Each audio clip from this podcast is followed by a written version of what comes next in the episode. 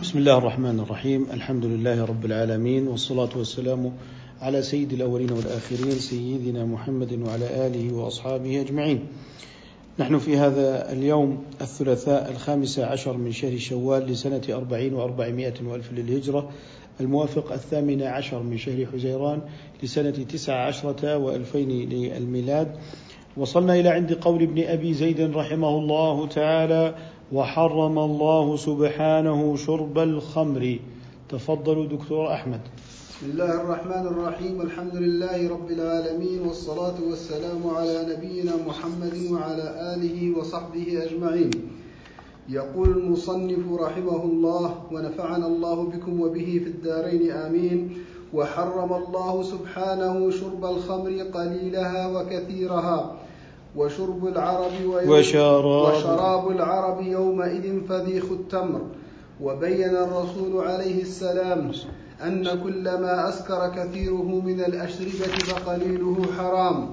وكل ما خامر العقل فأسكره من كل شراب فهو خمر.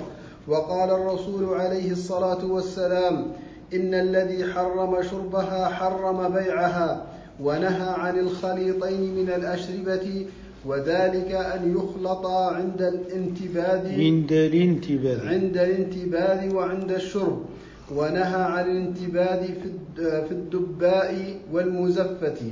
جزاكم الله خيرا وبارك الله فيكم. يتكلم عن المشروبات المحرمة فيقول ابن أبي زيد رحمه الله تعالى وحرم الله سبحانه شرب الخمر. هذه المادة التي تحدث الشدة المضربة في الجسم وهي مختلفة عن المخدر الطبي الذي يفتر الأعضاء ويخدرها ولا يصبح للإنسان وعي إنما يفقد الإحساس إنما يفقد الإحساس. فأما المخدر المحرم الذي يتناوله متعاطو المخدرات فهذا حرام لأنه يحدث شدة مطربة وفيه تغييب للعقل وإن بقيت الحواس تعمل ويذهب ويأتي وما إلى ذلك. الآن يقول وشراب العرب يومئذ فضيخ التمر. الفضيخ بمعنى اسم المفعول مثل غسيل طبيخ أي مغسول مطبوخ عصير معصور. ما كان على وزن فعيل من الفعل المتعدي فهو على اسم المفعول فهو على اسم إيه؟ المفعول كغسيل وطبيخ وقتيل وما إلى ذلك. فهو هنا يقول فضيخ اللي هو إيه؟ بمعنى اسم المفعول أي مهروس أي إيه؟ مهروس وينقع في الماء اللي هو فضيخ التمر. آه، آه، وهذا هو الذي بينه قال وشراب العرب يومئذ. لكنه هنا يريد أن يبين أن العبرة بالإسكار وليست العبرة بالتاريخ فما كان يعني في وقت العرب من فضيخ التمر أو مما هو من العنب فلو صنع ما يسكر من غير ما كان يصنع منه العرب فإنه يكون مسكرا ويكون محرما. فليس المحرم هو ربا الجاهلية فقط وليس المحرم هو خمر الجاهلية فقط. فإن التحريم متعلق بالأوصاف لا بالتاريخ لا بالتاريخ. وهنا نحن يجب أن نقف حراسا في وجه كل محاولة تريد أن تقصر عمومات الشريعة على التاريخ والممارسات الأولى. فلا نقول إن الربا المحرم هو ربا العرب في الجاهلية بل إن ما يصدق عليه وصف الربا وهو الزيادة في عقد القرض مقابل الأجل. فهذه هي المعاملة المحرمة التي حرمها الله سبحانه وتعالى وهي الربا. وإن كان أتقضي أم تربي هو ربا الجاهلية؟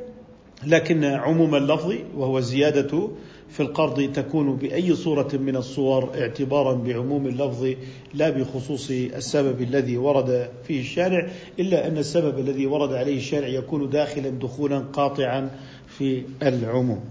قال وبين الرسول صلى الله عليه وسلم أن كل ما أسكر كثيره من الأشربة فقليله حرام. بمعنى هل التحريم هنا متعلق بشخص الذي يشرب الخمر أم متعلق بطبيعة المادة أم بكميتها؟ النبي صلى الله عليه وسلم يقول إنما أسكر فهو حرام سواء كان قليلا أم كان كثيرا. إذا التحريم متعلق بالوصف. طيب لو كانت قطرة فإنها لا تسكر فإنها لا تسكر. لكن التحريم ليس متعلقا بالأثر ليس متعلقا بالأثر بمعنى أنه يحدث منه الإسكار. لا طالما أن هذه المادة توصف بأنها مسكرة فإنها حرام ولو لم يحدث الإسكار ولو لم يحدث الإسكار. بعضهم قد يحتج ويقول لك إن هذه المادة الكحولية موجودة في التفاح الطبيعي وفي العنب الطبيعي موجود هناك نسبة بالواحد ونصف أو أو ما إلى ذلك هناك نسب قليلة. فلماذا لا تحرمون الفواكه؟ نحن نقول هنا فرق بين ما هو موجود طبيعة كما هي في الأموال في المواد التي يعني نأكلها بطبيعتها كالتفاح وما هو صناعي من الإنسان. فهذا المسكر هو صناعي بيد الإنسان. تضعه على الطعام فأنت تضع شيئا صناعيا. لكن ذاك في الطبيعة وله دور في الطبيعة ولا يؤدي إلى الإسكار وهو في الطبيعة. وإن كان لو عزل أدى إلى أن يكون مسكرا ومادة مسكرة. فلذلك ما كان مختلطا في الطبيعة من هذا مما لا ينفك عن الطبيعة فهو من الطبيعة التي أحلها الله تعالى. لذلك تحريم الأشياء لا يتعلق بالأعيان. حسن الأشياء وقبحها لا يتعلق بعينها. حسن الأشياء وقبحها لا يتعلق بعينها. إنما يتعلق بأوصافها. بل على العكس كما ذكرنا في المرة الماضية. الكذب قد يكون جائزا وقد يكون واجبا وقد يكون حراما. إذا الكذب في حد ذاته لا يوصف بالحسن ولا والقبح. إنما آه، يعني ما حسنه الشارع فهو حسن. ما قبحه الشارع فهو القبيح. إذا مرجعية الحسن والقبح للشارع نفسه. كذلك الغرر. عندما نقول إن الغرر الذي يعني لا ينفك عن التجارة أنت تشتري عمارة لا تنظر في أساساتها. أنت تشتري سيارة فيها خفايا أنت لا يمكن أن تطلع عليها. إذا الشريعة اغتفرت الغرر الموجود آه، في العلاقات في البيوع التي لا ينفك عنها. لكن أن نصنع الغرر بأيدينا فأن أبيعك سلما من مزرعة بعينها يحتمل أن تنتج أو لا تنتج. نستطيع أن نتلافى ذلك بأن أبيعك مئة طن أو خمسين طنا من أي مكان آتي بها دون أن تشترط علي هذه المزرعة. فهذا الشرط نستغني عنه. لذلك نحن نسميه غررا صناعيا. إذا الغرر الصناعي الذي نحن نصنعه هذا حرام. أما الغرر الموجود في الصفقات التي لا يمكن أن ينفك عنها ولا يمكن أن ينفصل عنها فهذا يكون مما عفى الله تعالى عنه وكذلك ما قلناه في الغرر نقوله فيما يسكر. إذا هنا نتعلق في الأوصاف فيما يتعلق بالإسكار وبالتالي ما لو أسكر منه الكثير فالقطرة منه حرام. قال آه، فأسكر من كل شراب فهو خمر. بمعنى أن كلمة خمر أي ما خامر العقل. ولما قال إنما الخمر والميسر إذا هو في تعليل بالمشتق أي كل ما يخامر العقل فهو حرام. هل المخدرات تخامر العقل؟ نعم. فالمخدرات تحرم بالوضع اللغوي. لماذا؟ لأنها خامرت العقل. طيب أليس فيها علة الإسكار المستنبطة بالسبر والتقسيم؟ وهي حرمت بالعلة. طيب إذا تناولها النص مرة بالوضع اللغوي ومرة تناولها بالإيه؟ بالعلة. فتصبح محرمة بالقياس ومحرمة أيضا بالنص. أليس ينعقد الإجماع الآن على تحريم المخدرات؟ أيضا أصبح عندي دليل الكتاب والسنة. الكتاب إنما الخمر السنة كذلك كل مسكر خمر كذلك في الإجماع كذلك بالقياس وكثرة الأدلة تكثر يعني أو تقوي الحكم عند الترجيح. واضح؟ إذا ها قد ثبت الإجماع على تحريم المخدرات. بمعنى أنه آه، كثرة الأدلة كثرة الأدلة من المرجحات. قال وكثرة الدليل والرواية مرجحات لدى ذوي الدراية. مرجحات لدى ذوي الدراية.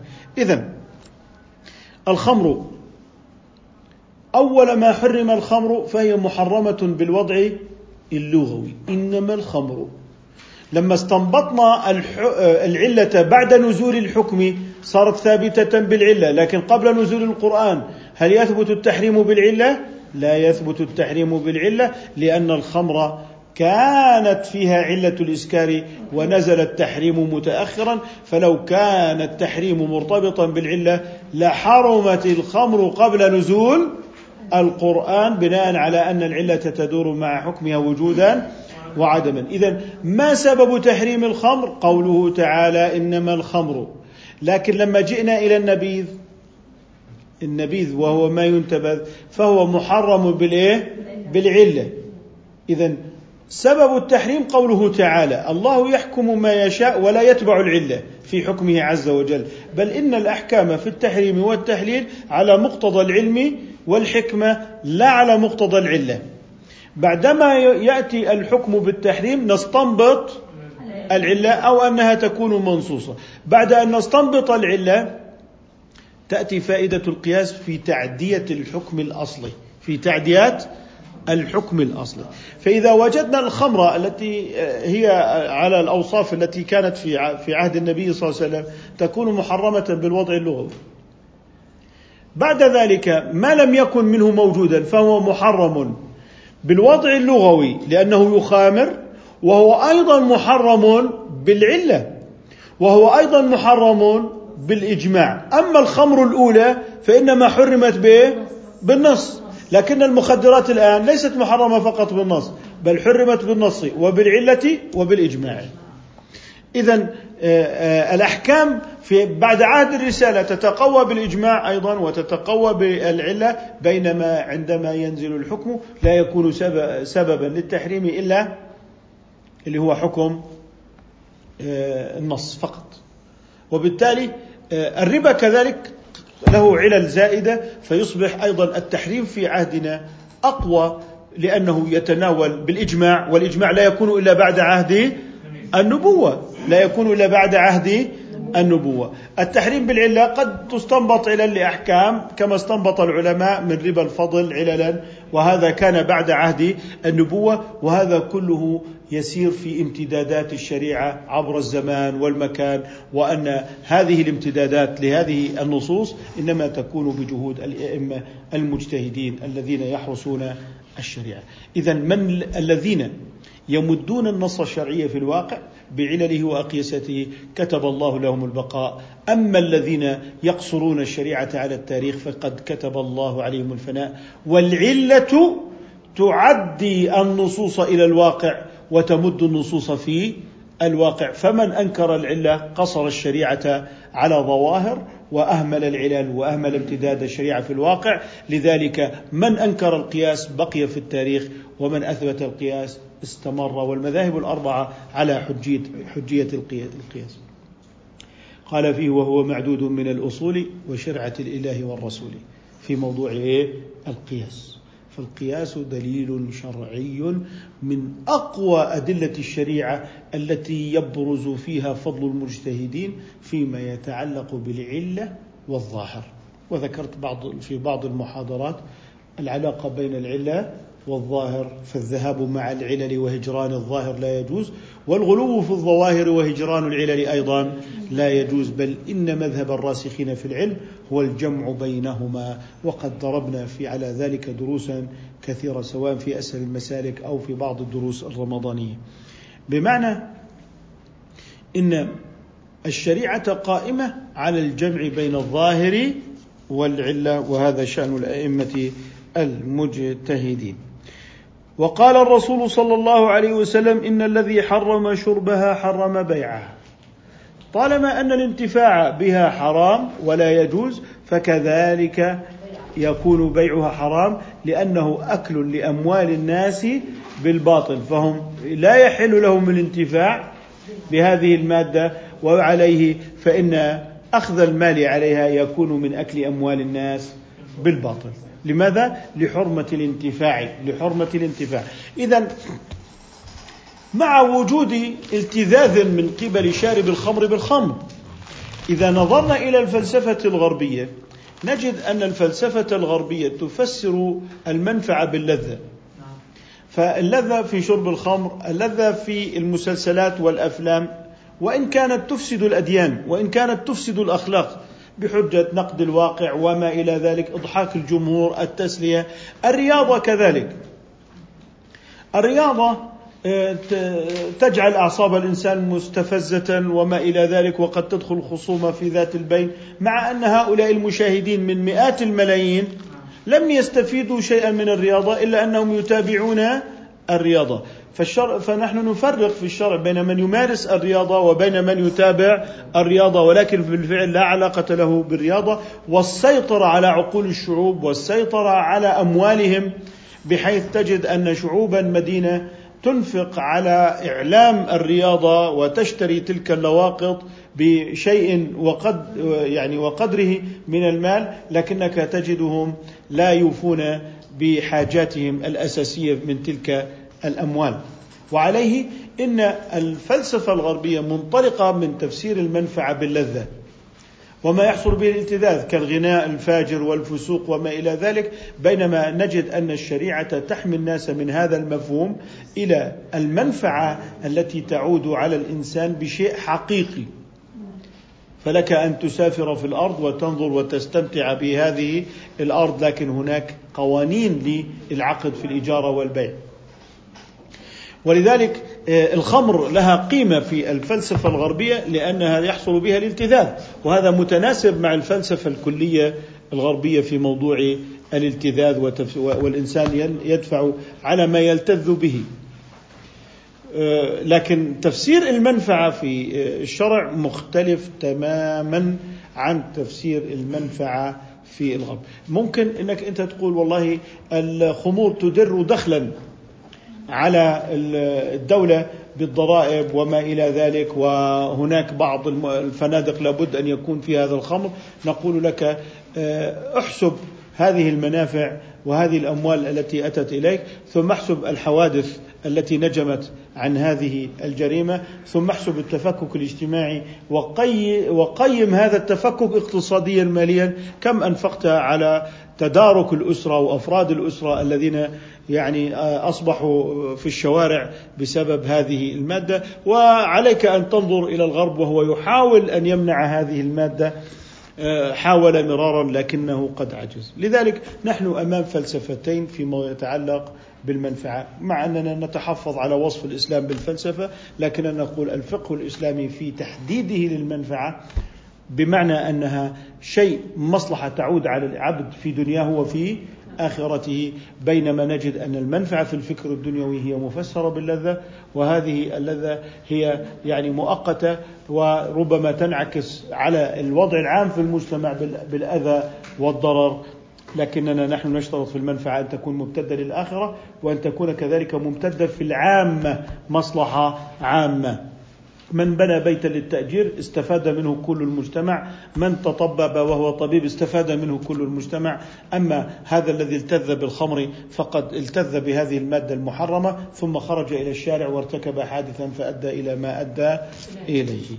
لذلك هذا جزء كلي كبير مهم جدا أن نفهمه في الفرق بين المنفعة في الفقه الإسلامي والفلسفة الغربية وإعادة تفسيرها باللذة ونخشى أن يدخل تفسير آه، المصلحة الشرعية بالمنفعة الدنيوية بمعنى تحت عنوان عمومات المقاصد عمومات المآلات وما إلى ذلك أن نصبح مقتربين من لغة المنفعة في الفكر الدنيوي.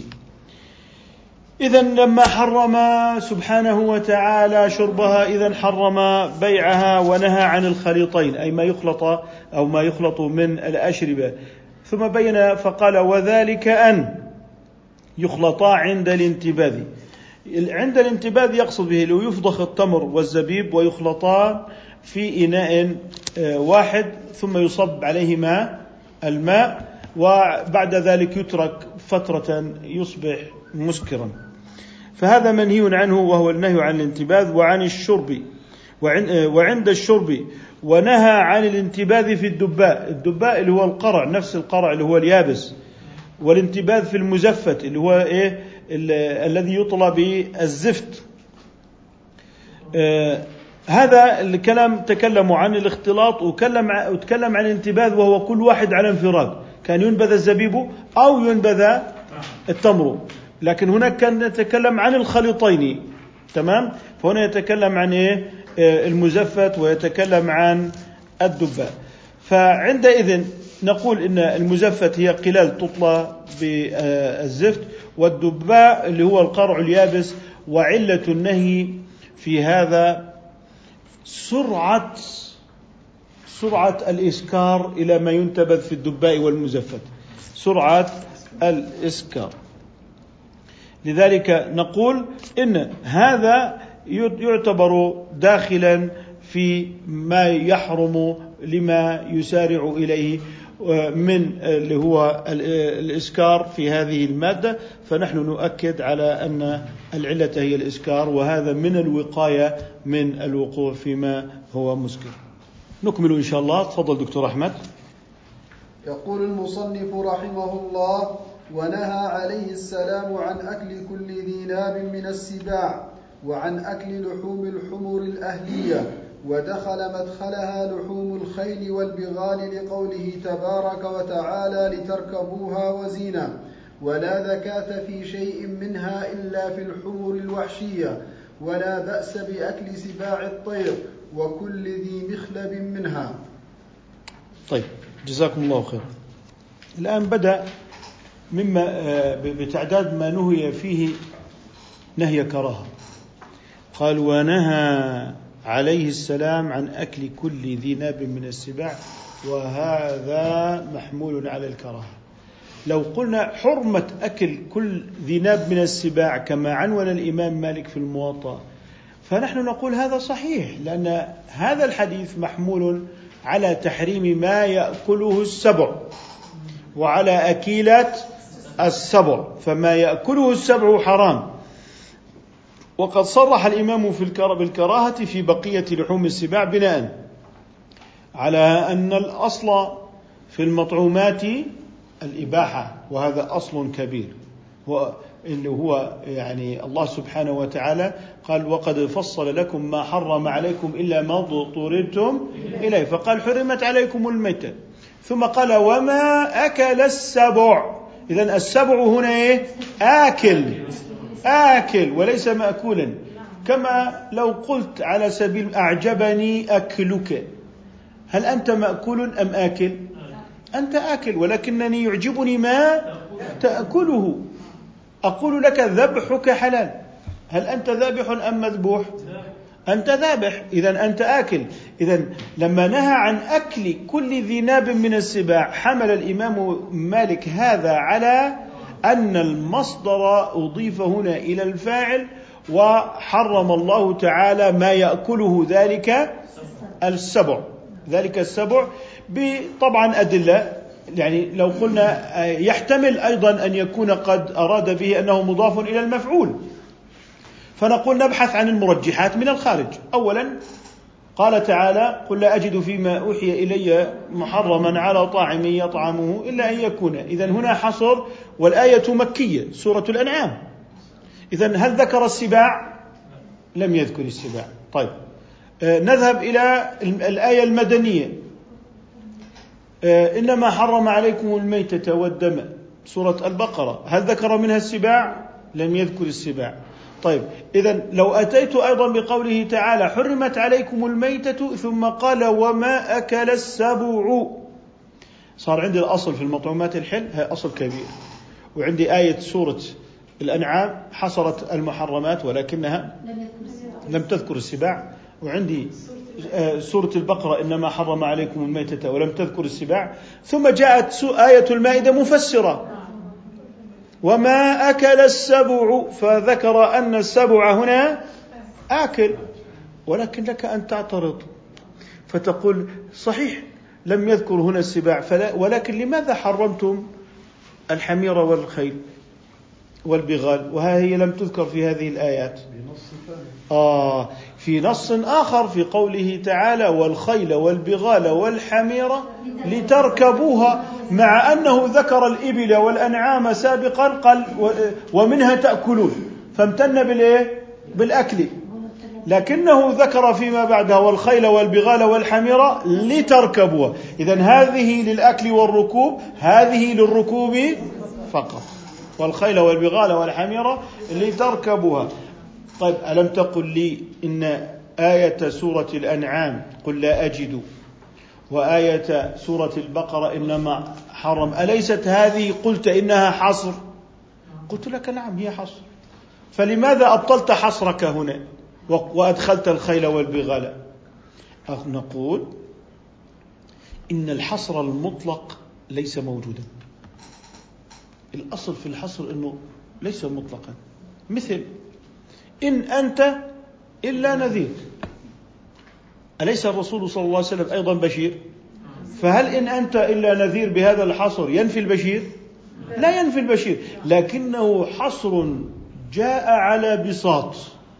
يا محمد من حيث التكليف بهدايتهم أو عدم الهداية أنت لست مكلفا بذلك أنت نذير فقط. اذا جاءت على إيه؟ على بساط إنما الأعمال بالنيات. أي تقع الأعمال بغير نية. هو الواقع أمامنا. إذا دائما في الحصر نبحث إنه الحصر المطلق ربما لا يكون موجودا كثيرا أو يكون موجودا بقلة. طيب حديث جابر ورخص في الخيل نقول رخص. إذا الأصل المنع. هذا في يوم اللي هو خيبر. ورخص. إذا مقابل المنع. إذا رخص فيه أنه يحمله على الضرورة. نحمله على الضرورة وهذا كله جمعا بين الأدلة والجمع بين الأدلة واجب. الجمع بين الأدلة واجب. إذا موضوع أنه عندما نجمع الأدلة تظهر لنا حكمة الله ومراده. ولا يظهر مراد الله بنص واحد بل لابد من الجمع. وأيضا لابد من ترتيب الأدلة آه، في أصولها. فعندما تقول الأصل في الأشياء الحل المطعومات الحل كم آية من كتاب الله ذكرت ذلك؟ وسخر لكم ما في الأرض جميعا. كثير. إذا عندما تقول على أصل هنا رتبة الأصل أنت تتكلم برتبة ليس حديث واحد وليست آية واحدة بل إن هذا هي الشريعة في موضوع المطعومات. التسخير. المصلحة لك الأصل لك. وبالتالي عندما ترتب أحكامك ترتب الأصول عندما تأتي قبل أن تكتب قال تعالى تأتي بالأصل الكلي حرمت عليكم الميتة إذا الميتة حرام هذا أصل آه، الشيء يفوت بفوات ركنه هذا أصل لذلك نحن قلنا إن من غلط أو نسي في نهار رمضان فعليه القضاء ليه؟ لأننا مستندون إلى إيه؟ إلى أصل أن الشيء يفوت بفوات ركنه وهذا أقوى من خبر الواحد لأن فيه أدلة متكاثرة من الكتاب والسنة على ذلك فهذا الأصل له أدلة لا تحصر وبالتالي سنصبح أمام خبر واحد وهو مخالف للأصل الذي ثبت بمجموع الأدلة وثبت أيضا بأصل كبير. اذا فيما يتعلق بالعلة لتركبوها وزنا جاءت في سياق المقابلة. هذه الأنعام لتأكلوها وتشربوا منها ولكم فيها الدفء. هذه لتركبوها وزنا. إذا كلمة لتركبوها وزينة لم تأتي مقتطعة من سياق إنما هي جاءت في سياق مقابلة بين الأنعام ومقابلة بين الخيل والبغال والحمير لتركبوها. بالإضافة إلى دلالة الاقتران أن الحميرة بالاتفاق محرمة اللي هي الأهلية. فهل تريد أن تقسم الآية؟ طب في اقتران الحمير مع اللي هو إيه؟ مع الخيل. فهل تريد أن تبيح الخيل وتحرم الحمير وهما في نفس الآية؟ بالحديث الآخر اللي هو اللي هو حمر حرم لحوم الحمر الأهلية ولذلك السياق السياق اللي هو المقابلة بين لتركبوها وزينة وبين ومنافع ومنها تأكلون. وبين آه، موضوع اللي هو الحديث اللي حرم فيه الحمر الاهليه فعندك دلالة الاقتران. وإن كانت دلالة الاقتران ضعيفة لكنها قد تتقوى بغيرها. يعني هي من حيث هي دلالة ضعيفة أنه قرن بين الخيل والحمير. فأنت بدك تخلي دلالة اقتران. أنه طالما قرنها مع البغال والحمير إذا فالحكم واحد. فيعني صحيح أن دلالة الاقتران ضعيفة بذاتها لكنها في سياق الأدلة جميعا ومع مجموع الأدلة فإنها تتقوى بغيرها فإنها تتقوى بالقوي فإنها تتقوى بالقوي. في النهاية سيبقى اللي هو موضوع آه، تحريم لحوم الخيل آه، موضوع خلاف فقهي معتبر وهناك مذهب معتبر كالشافعي اللي هو يجيز لحوم الخيل والناس إذا أكلوا لحم الخيل لم يكونوا راتعين في محرم. اللي هو فيه الإثم قطعا بل فيما هو فيه الخلاف. وشبهة العام من اختلاف العلماء وشبهة العالم من اختلاف الأدلة. ولذلك نحن عندما نقول لتركبوها هنا النص مصرح بالعلة مصرح بالعلة للحكم مع سياق المقابلة في قوله تعالى آه، اللي هي منافع وما يستفاد من الأنعام. ولا زكاة في شيء منها آه. نعم. ثم قال ولا زكاة في شيء منها. هذا يتكلم عن الحمر. ولا زكاة في شيء منها إلا الحمر الوحشية. بمعنى أن الحمار الوحشي يجوز أن يؤكل وفيه الذكاة بمعنى أن الذكاة لا تفيد في محرم الأكل كالخنزير. لا تفيد فيه الذكاة. وكذلك في الحمير لا تفيد فيها الذكاة فلا تطهر لحمها ولا تطهر جلدها. ولا تطهر جلدها ثم قال ولا بأس. لاحظ كان يتكلم عن كراهة السباع اللي هي إيه؟ البر. قال ولا بأس بأكل سباع الطير. لأن يعني سباع الطير ما فيها الإباحة. يعني الذي فيها هكذا معنى ما. الذي فيها الإباحة. ولا بأس بأكل سباع الطير وكل ذي مخلب منها. اللي هي الجوارح. على العكس إن جزء من أدلة المالكية في إباحة سباع اللي هو البر القياس على آه، اللي هي اللي هي سباع الجو اللي هي إيه؟ اللي هي الصقور قال هذا قياس يعني حتى إذا أردت أن تزيد في الأدلة فإن السباع السباع اللي هي إيه؟ سباع البر مقيسة في الإباحة على سباع الطير على سباع الطير. حديث النبي صلى الله عليه وسلم نهى عن كل ذي مخلب من الطير التك... نهى عن كل ذي نب. المخلب هذه فيها زيادة مختلف فيها. المخلب زيادة مختلف فيها. لكن الأقوى اللي هو المخلب. اللي هو عفوا الناب الناب السباع فيها ناب إيه هو الكلام بالسباع. لكن مخلب من الطير هذه زيادة على الحديث مختلف فيها اختلافا واسعا. أما ذوات الناب هذه يرويها الإمام في في موطئه. لكن ما يرويه الإمام في موطئه هو عن ذوات الناب وليس في الحديث الذي يرويه في الموطأ ذوات المخلب. طيب ذوات الناب كيف قصناها وهي فيها نص مستقل في التحريم؟ لا إحنا قلنا مصدر أضيف إلى فاعله والأصول والأقيسة تقول بأنها تصرف إلى الكراهة للخلاف. لكن لم نقل بالتحريم. لكن لا يوجد عندي نص أتأوله ثابت بالنسبة لي بالنسبة لسباع الطير. أما بالنسبة لذوات الناب فعندي نص وأرويه في الموطأ. هذا قول يعني الإمام مالك هو يرويه في الموطأ ويعنون له حرمة أكل كل ذي ناب من السباع. كيف قصنا جوازا؟ الآن قلت آه الآن لما أنا لم يثبت لدي التحريم أليس ثابتا لدي إباحة سباع الطير؟ لا سباع الطير. أليس عندي فيه الإباحة؟ لماذا؟ لأنه ما عندي نص. لأن الزيادة هذه فيها إشكالات. الآن قلت لك بما أن سباع الطير لا يوجد فيها نص تحريم اجعل سباع البر كسباع الطير. هذه ليست كلامنا عن النابل إذا سباع ذوات الناب اجعلها كسباع الطير بالقياس. سباع البر لأنه لا يوجد عندي دليل تحريم. ما قلت عندنا دليل الإمام مالك روى عن أيوة بس مؤول. بماذا أول؟ أنه مضاف للفاعل. الإمام مالك أوله بأنه مضاف للفاعل. إذا هذا النص نهى عن أكل كل ذي ناب من السباع عند الإمام مؤول بأن المصدر أكل أضيف إلى فاعله. وبالتالي يحرم ما أكله السبع. إذا أنا لم يثبت عندي دليل صريح في موضوع تحريم ذوات الناب طيب أريد أن أقوي الاستدلال. بقول لك كما قلت لك الأصل في المطعومات الإباحة جعلته الأصل الكبير. كما قلت لك جبت أتيت لك بآية الأنعام وأتيت لك بآية البقرة وأتيت لك بآية المائدة. وقلت لك هذا مضاف إلى الفاعل وأتيت لك ب ما سوى ذلك من الأصول والقواعد. لم يثبت عندي نص في تحريم ذوات الناب. انتهينا.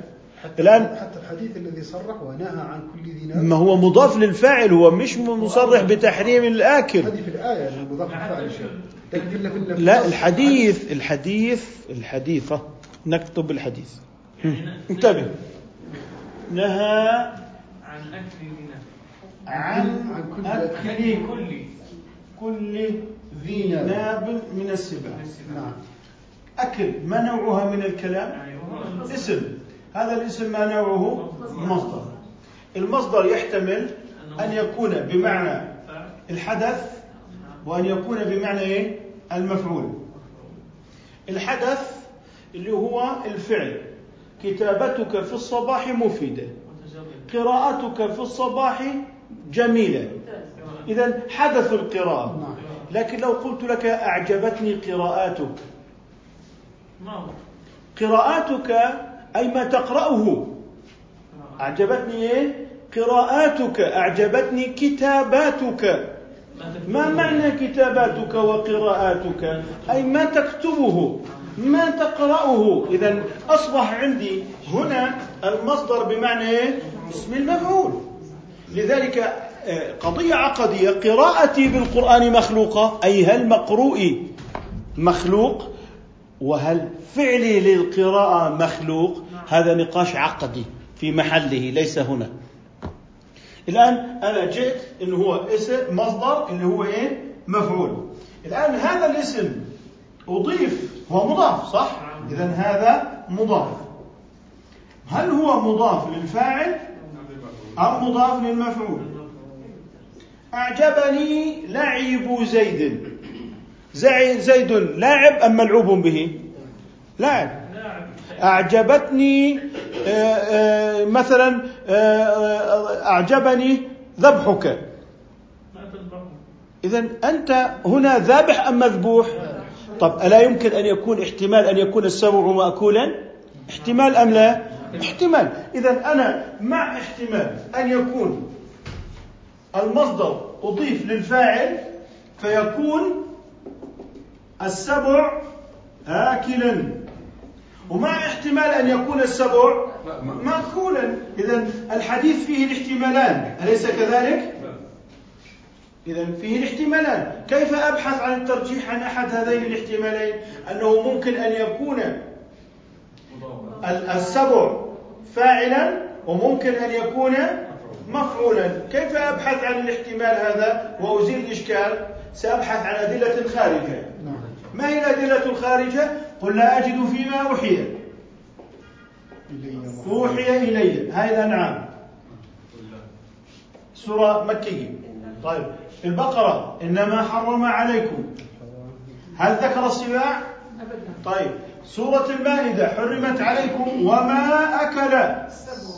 أكل السبع هل هذا فاعل أم مفعول السبع هنا؟ فاعل ألا تكفي هذه الثلاثة آيات مع الأصل في الأشياء الإباحة الأصل في الطعام الإباحة اللي هو التسخير هذه كلها ألا تكفي لترجيح أن الحديث هنا أنه مضاف للفاعل أم تكفي أم لا تكفي؟ تكفي لأنه لا يمكن أن يحمل على الاثنين في وقت واحد وأن يكون فاعلا ومفعولا إلا في أفعال القلوب. ولقد رأيتني وهكذا. واضح؟ عليكم السلام ورحمة الله. إذا بناء عليه بناء عليه أنا أجيت إلى احتمالين ليصعب أن أرجح من داخل الحديث. لابد أن أبحث من خارج. فوجدت الأصل الأقوى الذي عليه آيات الكتاب والسنة أن ما في الأرض مسخر. وهذا لكم. ثم جئت إلى قل لا أجد فيما أوحي. ثم جئت إنما حرم عليكم. ثم جئت وما أكل السبع. هل هذه آه، عاجزة عن ترجيح أكل السبع؟ كافية للترجيح بهذا الاختيار. لأن لأن الترجيح يكون بأدنى احتمال عند التساوي. الترجيح يكون بإيه؟ بأدنى احتمال. ألا تكفي هذه الأصول جميعا لترجيح أن المصدر أضيف للفاعل؟ تكفي أم لا تكفي؟ تكفي ولو بأدنى احتمال لأن الترجيح هنا واجب للتعارض. إما أن يكون فاعلا وإما أن يكون مفعولا. بواحد في المئة يرجح. دكتور العمل هنا أينما مكان ورد عن كثير من الصحابة العمل على المنع وحتى لا لحظة. ما هو وارد مفسر مؤول. لا يوجد دليل غير قابل للتأويل إلا دلالة النص. يعني ما يأتي عن الصحابة يأتي قول. ما يأتي عن الصحابة تأتي رواية. ما يأتي عن الصحابة قد يكون فيه اجتهاد. وعندك هنا اجتهاد وعندك هنا اجتهاد. أنت لست في مقام الترجيح بين حق وباطل. أنت في مقام الترجيح بين صواب بأجرين وخطأ بأجر واحد في ظنك أنت ليس فيما عند الله. وعليه أنت هنا لا ترجح بين حق وباطل لأن تحريم السباع رأي معتبر ودين. لذلك نحن لسنا أمام حق وباطل في الاجتهاد المعتبر. نحن أمام صواب بأجرين وخطأ باجر واحد. ما الذي ينبغي أن يكون هنا؟ هل هذا المجتهد معذور أم غير معذور؟ فالذين قالوا بالتحريم معذورون والذين قالوا بالإباحة معذورون. لكن احدا منهم بأجرين وواحد باجر واحد. اذا هذه الدائرة نحن غير قادرين على الحسم فيها لأن الله استأثر بعلمه. وينبئكم يوم القيامة. واضح؟ فلذلك لا أبحث الآن عن واحد أو أنا لست في صراع بين حق وباطل. أنا في بحث علمي بين قولين معتبرين. لو أنا رجحت قول المالكية لم أزدهم شيئا. ولو رجحت قول الشافعية لم أزدهم شيئا. ولو جعلت هذا مرجوحا أو ذاك لم أنقص احدا شيئا. واضح الكلام؟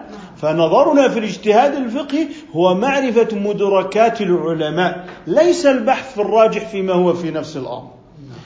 فبحثنا العلمي الذي يبنينا علميا هو البحث في مدركات العلماء. ليس الاجتهاد هل هذا هو الصواب أم هذا هو الخطأ؟ بقدر معرفة كيف استطاع الأئمة المجتهدون وكيف استطاعت المذاهب الأربعة أن تبني فقها شامخا مع أنها جميعا تسير بالتوازي إلى الله سبحانه وتعالى. هذا هو الفقه الذي يمكن أن يحفظ مرجعية أهل السنة والجماعة وأنت تستدل لمذهبك أنت تثبت دليله وقوله. لذلك رتبة المتبصر أو رتبة الخلاف هي إثبات قول الإمام بالأدلة لكنه لا يستبد بنقد المذهب الآخر. إذا أنت في المذهب المالكي أثبتت مذهب مالك والشافعي أثبت مذهب الشافعي والحنفي أثبت مذهب أبي حنيفة وكذلك الحنابلة. إذا انتهينا جميعا إلى الإثبات. انتهينا جميعا إلى الإثبات وهذه هي منهجية الفقه الإسلامي. بينما لو جئت ونقضت المذهب الآخر وجاء الآخر ونقض مذهبي وفعل كل مذهب بالآخر هذا المفعل وهذا الفعل ما معنى ذلك؟ انتهينا جميعا إلى العدم وهذا هو الواقع الآن. النظر إلى الاجتهاد المعتبر على أنه باطل أو يأتيك الطالب يبحث عن الحق. تقول له هنا لا تبحث أنت عن الحق والباطل. هنا أنت متقلب بين أجرين وأجر واحد. فكرتك في البحث عن الحق والباطل أبقها هناك في الصراع الكنسي واللاديني. اجعلها في العقائد الإسلامية والعقائد الطائفية الباطلة. ولذلك أنت لا تبحث داخل المذاهب الأربعة بين حق وباطل. إنما هو سوء فهم خطير جدا. إذا بقي سينسف المرجعيه السنية جميعا. لذلك أكون سعيدا عندما أرى سادتنا الشافعية وهم يبنون بنيانهم بنيانا شامخا وعاليا على أدلة الدين. لماذا؟ لأنني أطمئن إلى ما أدين لله به أن مذهبهم دين الله تعالى وها هم يبرعون في بناء مذهبهم ويحفظونه ويحرسونه. فنتحول جميعا إلى الحراسة. حراسة المذهب الشافعي حراسة المذهب المالكي الحنفي الحنبلي. وهكذا ننتهي إلى الحماية والإثبات بينما لما دخلنا تحت عنوان الترجيح إلى الحق والباطل وأن الطالب يأتيك يريد أن يبحث عن الحق إذا هناك إشكال في فهم المنهجية العلمية الفقهية السنية تماما. أنت هنا لست بين حق وباطل أنت بين صواب وخطأ. لكن صواب بأجرين. وخطأ بأجر واحد. فعندما يأتيك المخالف ويأتيك بأدلته هو يضيف لك علما لأنك تعتقد أن مذهبه مذهب صحيح.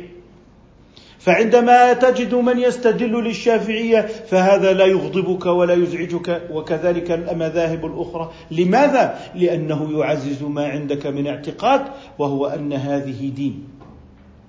لذلك البحث في نفس الأمر مقلق ومزعج كما بحثوا في هلال شوال. اضطربوا لأنهم يبحثون في الموافقة في نفس الأمر لكن البحث كان ينبغي أن يكون فيما هو في طريق الشرع في الإثبات. فإن رأيته بأدلته فقد ثبت وإن لم يكن بالفعل. لأن النبي صلى الله عليه وسلم قال فإن غم عليكم فأتموا عدة شعبان ثلاثين مع أنه هناك احتمال أن يكون الثلاثين من شعبان هو الأول من رمضان والوحي ينزل والوحي ينزل. والله يعلم أن هذا اليوم قد يكون من رمضان. ومع ذلك الوحي ينزل. وعليك أن تتم شعبان ثلاثين. إذا هو لم يطلب منك الموافقة في نفس الأمر. إنما قال لك هناك أصول لإثبات رمضان. أسلك تلك الأصول ودعك من التكلف الذي لم تؤمر به. فذهبوا للتكلف بالهلال في نفس الأمر. فاضطرب الفلكيون على ثلاثة أقوال. ثم اضطرب المشايخ مع الفلكيين والفقهاء اضطربوا في أنفسهم. فأفضينا لا نثبت هلال رمضان ولا شوال وانتهينا إلى العدم. ماذا تريدون؟ أشياء لم تكلفوا بها فتكلفتموها وأشياء كلفتم بها فتركتموها. اذا هذا الاضطراب الشريعة ليست مسؤولا عنه مسؤولة عنه. أنتم مسؤولون عن أفعالكم. خرجتم من حد الشريعة. قال لك إذا رآه رجلان امكن رؤيته صم. أو أفطر لم يكلفك شططة. لم يكلفك أن تخرج بالطائرة لتبحث عن الهلال ولا أن تسير المكوكات الفضائية. كلفك بما تستطيع. فلما تمردت على ما تستطيع وتنطعت وقعت في الحرج. لم تعد تثبت أي شيء حتى وقت الصبح حتى غروب الشمس. لم تعد قادرا على إثباته في هذه الشمس التي تكبر الأرض مليون مرة. إذا في اختلالات كبرى في المنهج لما يكون الاختلال إنه هناك من يختلف في الصبح وهناك من يختلف في الغروب، اذا المنهجية الفقهية الأصولية أنك تسلك مناهج الاستدلال، عندما تسلك منهج استدلال للإمام مالك فأنت تحمي هذا القول لكنك لا تنقض غيره. ماذا لو أن أحدهم قال أكل لحوم الخيل باطل في دين الله؟ من الذي ينبغي ينبري له؟ المذاهب الأربعة لماذا؟ لأنك ستبطلنا جميعا. إنما هذه واحدة. فلذلك المنهجية الفقهية الأصولية أنك تلتمس كيف استدل هذا لقوله وكيف استدل هذا لقوله وكيف استدل ذاك عندئذ تبدأ الشخصية بالبناء. لكن لم أبحث هل المالكية على حق أم لا. لست باحثا في هذا. لذلك تجد الصدور واسعة. تجد إنه الفقه تجد الفقه الحنفي متردد في بناء المالكية كثيرا في شرح التلقين للإمام المازري مثلا. لماذا؟ لأننا عندما نذكر مثل هذه الأقوال نحن نذكر ما نعتقده دينا خصوصا بالنسبة لمذهب مالك. الذي يعني يعتبر هو المذهب الذي هو المدينة والحنفية عندما جاءوا بأصولهم من المدينة. ما في أصل عند الحنفية لا يوجد عند المالكية. ولا يوجد أصل عند الشافعية لا يوجد عند المالكية. وهذا دليل على صلة هذه المذاهب بالمدينة. لكنك أنت الحصن الذي يقف أمام الجميع ويأوي إليه الجميع. لماذا؟ لأن لو تأملت كثيرا من أصولهم لوجدتها يعني ماثلة في مذهب أهل المدينة وهذا كله يؤكد مصداقية هذه المذاهب أنها من مذهب أهل المدينة. طبعا لما قال وكل ذي مخلب أي كل ذي ظفر والظفر الذي يعقر الذي فيه العقر يعني ظفر الدجاجة ما بنقول مخلب. إذا إحنا لما بنقول هنا المخلب في الحديث آه، أو في النص هنا أي الظفر الذي يعقر به. الدجاجة ماذا تعقر؟ بهذا الظفر لا شيء. إذا آه، لما لم تكن هذه الظفر للعقر فلا تعتبر من ذوات المخلب نكتفي بهذا القدر إن شاء الله تعالى. سبحانك اللهم وبحمدك نشهد أن لا إله إلا أنت نستغفرك ونتوب إليك.